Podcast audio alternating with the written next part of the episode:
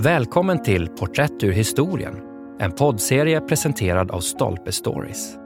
I 25 avsnitt får vi lära känna några av de personer som spelat viktiga roller i historien, men ändå glömts bort.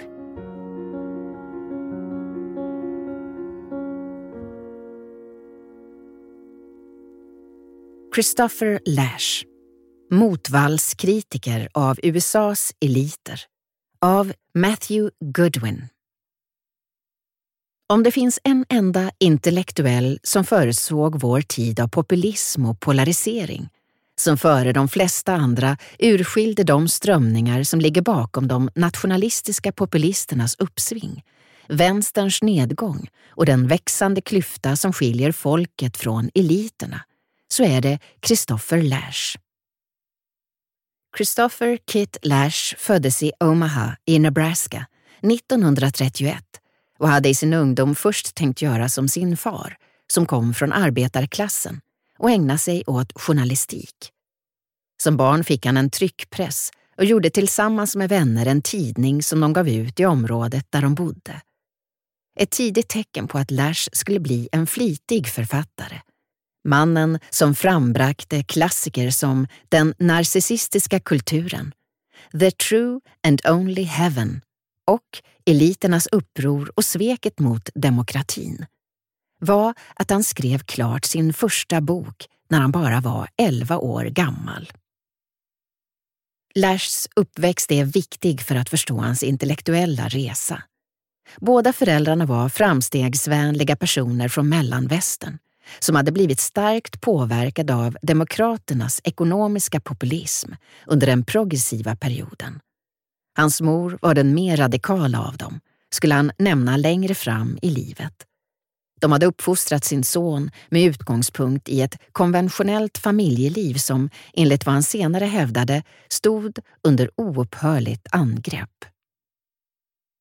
Hans far, som helt kort hade prövat på den akademiska tillvaron efter att ha studerat vid Oxford som Rhodes-stipendiat, började istället arbeta som journalist på Omaha World Herald, en tidning som en gång i tiden hade haft den demokratiske politikern William Jennings Bryan som redaktör och var stöpt i en tradition av populistisk radikalism.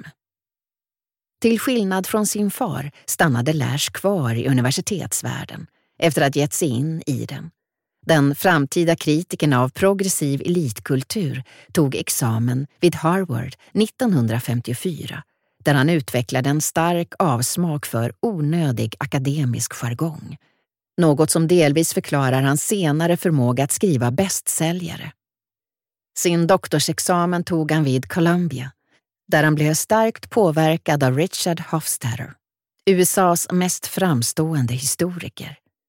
I boken The American Political Tradition and the Man Who Made It från 1948 hade Hofstadter klagat över att amerikanerna var trollbundna av den liberala kapitalismen. En tanke som Lash skulle bygga vidare på i sin kritik av konsumtionskulturen. Lash är inte lätt att kategorisera politiskt. Även om han inledde sin intellektuella resa på den radikala vänsterkanten efter att ha tagit intryck av engelska marxister som E.P. Thompson bröt han sig med tiden loss från den och blev så småningom starkare förknippad med en form av kulturkonservatism. Hans uppfattning om ekonomi placerade honom stadigt till vänster, men hans övertygelse om att kapitalismen bröt ner stabila relationer och urholkade familjelivet platsens innebörd och det oavbrutna historiska sammanhanget placerade honom till höger. En formel som föregrep vår tids varken höger eller vänstermodell. Hans budskap att föräldrar egentligen inte var föräldrar längre, medan barnen utsattes för krafter och påverkningar som stod utom familjens kontroll och således bara tjänade den kapitalistiska modellen var en föregångare till våra nutida debatter om sociala medier och iPad-generationen.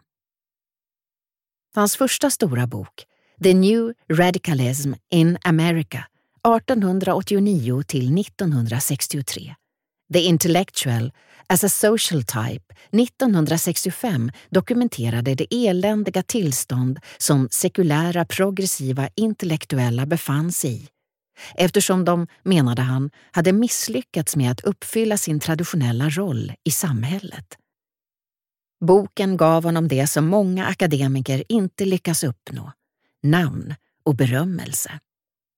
Hans kritik av de progressiva, i kombination med hans ihärdiga försvar av familjen, särskilt i Den belägrade familjen 1977, skulle så småningom driva honom bort från hans gamla värld av vänsterintellektuella och in i ett långt mer ensamt hörn. Även om många av Lashs idéer vann genklang på högerkanten, exempelvis hans tes att ett demokratiskt samhälle är beroende av sammansvetsade familjer som har stöd av ett bredare nätverk, ansåg han att många konservativa hade blivit alltför fixerade vid storfinansen och marknaderna och var intellektuellt ohederliga. Han var av naturen motsträvig och tog hjälp av psykologi, historia och samhällskritik för att undersöka och ställa frågor om den amerikanska nationalkaraktären. Han skrev i en tid då hans land upplevde en djupgående förändring. Medborgarrättsrörelsen, Vietnamkriget, motkulturen och radikalismen på universiteten, Nixons polariserande presidentperiod, självhjälpsbranschens uppkomst, reaganismen, en ny höger som var mycket mer intresserad av marknader än av samhället. Och tillblivelsen av en ny vänster som talade mycket om rättigheter men föga om skyldigheter. I succéboken Den narcissistiska kulturen beklagade han religionens tillbakagång, tillflykten till rent personligt välbefinnande och den ökande fixeringen vid självhjälp och vid att växa som person. Han la fram sina tankar om högerns besatthet av oinskränkta marknader och vänsterns orubbliga fasthållande vid framstegsoptimismen som man antog försvagade familjen och samhällsgemenskapen och försämrade folks karaktär. Lash skrev långt innan det fanns sociala medier och dokusåpor, långt innan det hade uppstått en missnöjesbaserad, självfixerad och performativ identitetspolitik och sa saker som följande. Att leva för ögonblicket är den förhärskande passionen. Att leva för sin egen räkning, inte för sina förfäder eller för eftervärlden. Vi håller snabbt på att gå miste om känslan av historisk kontinuitet. Känslan av att tillhöra en rad generationer med ursprung i det förflutna och som sträcker sig in i framtiden. Han utgick från resonemang som han fört i den belägrade familjen och varnade för att eliterna hade bråttom med att medikalisera viljehandlingar samtidigt som de minimerade eller tonade ner det personliga ansvarets roll. Hans varning för att människor höll på att bli alltför beroende av tekniker som de inte förstod, vilket gav näring åt känslor av maktlöshet och av att ha blivit lurad, är lika giltig i dagens debatter om Silicon Valley och vad läkare numera kallar problematisk smartphone-användning. Han skrev Relationerna till andra människor är påfallande bräckliga. Varor tillverkas för att förbrukas och slängas. Verkligheten upplevs som en instabil miljö av flimrande bilder. Allt detta bidrar till att uppmuntra eskapistiska lösningar på psykologiska frågor om beroende, separation och individuation och till att avskräcka från en moralisk realism som gör det möjligt för människor att finna sig i existentiella begränsningar av den egna förmågan och friheten. Lash ansåg att människor begärde för mycket av livet och för lite av sig själva. Den nya konsumtionskulturen, som stöddes av partier både till vänster och till höger, försvagade familjen genom att upphäva föräldrarnas förmåga att sätta gränser för barnens frihet och elda på människors begär efter omedelbar behovstillfredsställelse. Upphåsningen av berömmelse och kändisskap, framgångsindustrin och den Trumpska besattheten av vinnare, långt innan den blev Trumpsk, speglade det faktum att personliga relationer höll på att bli allt ytligare och flyktigare.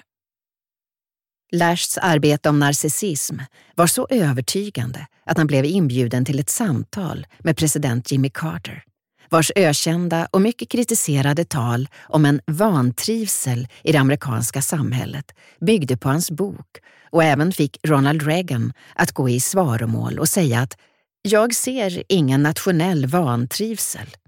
Jag ser inget fel med det amerikanska folket.”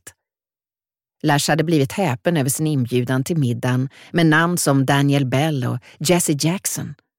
Det var också problematiskt för honom då han ägnat en stor del av sin tidiga karriär åt att kritisera akademiker som hade offrat objektiviteten för att vinna politiskt inflytande. Han klagade även över att Carter hade förvrängt hans tankar och ägnade mer tid åt att läxa upp det amerikanska folket än att kritisera den välutbildade övre medelklass som drog fördel av den ojämna maktfördelningen. Trumps presidentperiod var i många avseenden kulmen på allt det som Lash hade varnat för. Lash skulle med kraft ha opponerat sig mot Trump, men han skulle också haft förståelse för det missnöje som drev hans väljare.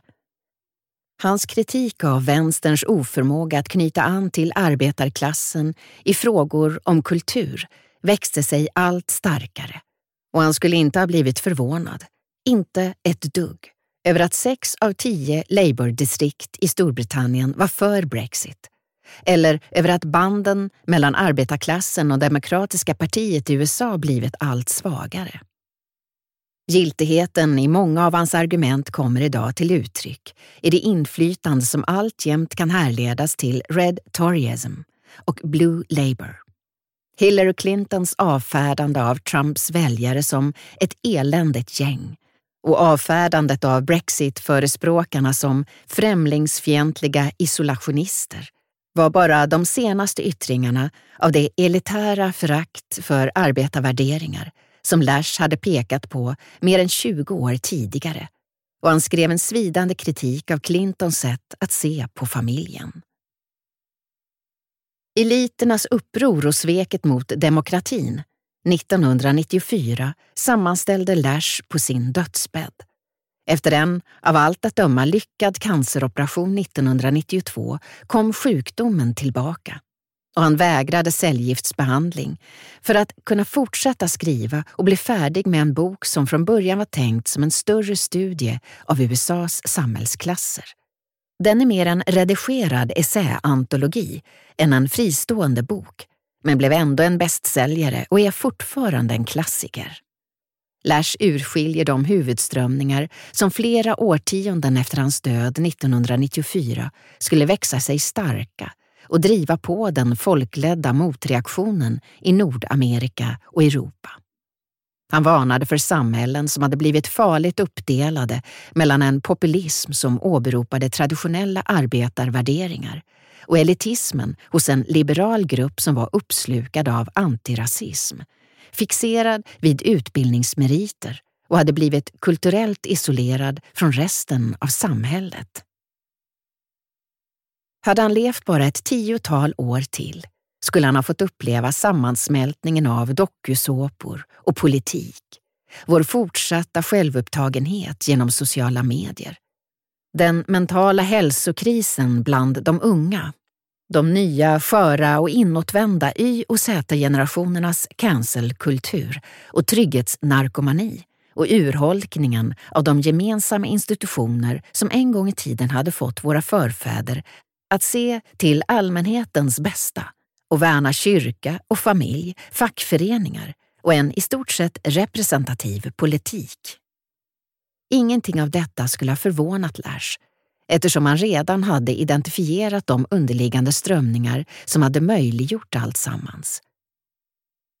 Han skulle också ha fått uppleva sina idéers fortsatta inverkan på dagens tänkare i böcker som Charles Murrays Coming Apart, Samuel P. Huntingtons Who Are We, Robert Putnams Den ensamme bowlaren, David Goodharts The Road to Somewhere och Michael Linds New Class War är Lashs inflytande ytterst påtagligt. Och det tror jag att det kommer att förbli ett antal år framöver. Matthew Goodwin är professor i statsvetenskap vid University of Kent och forskare vid Chatham House. Han har skrivit fem böcker, senast National Populism, The Revolt Against Liberal Democracy.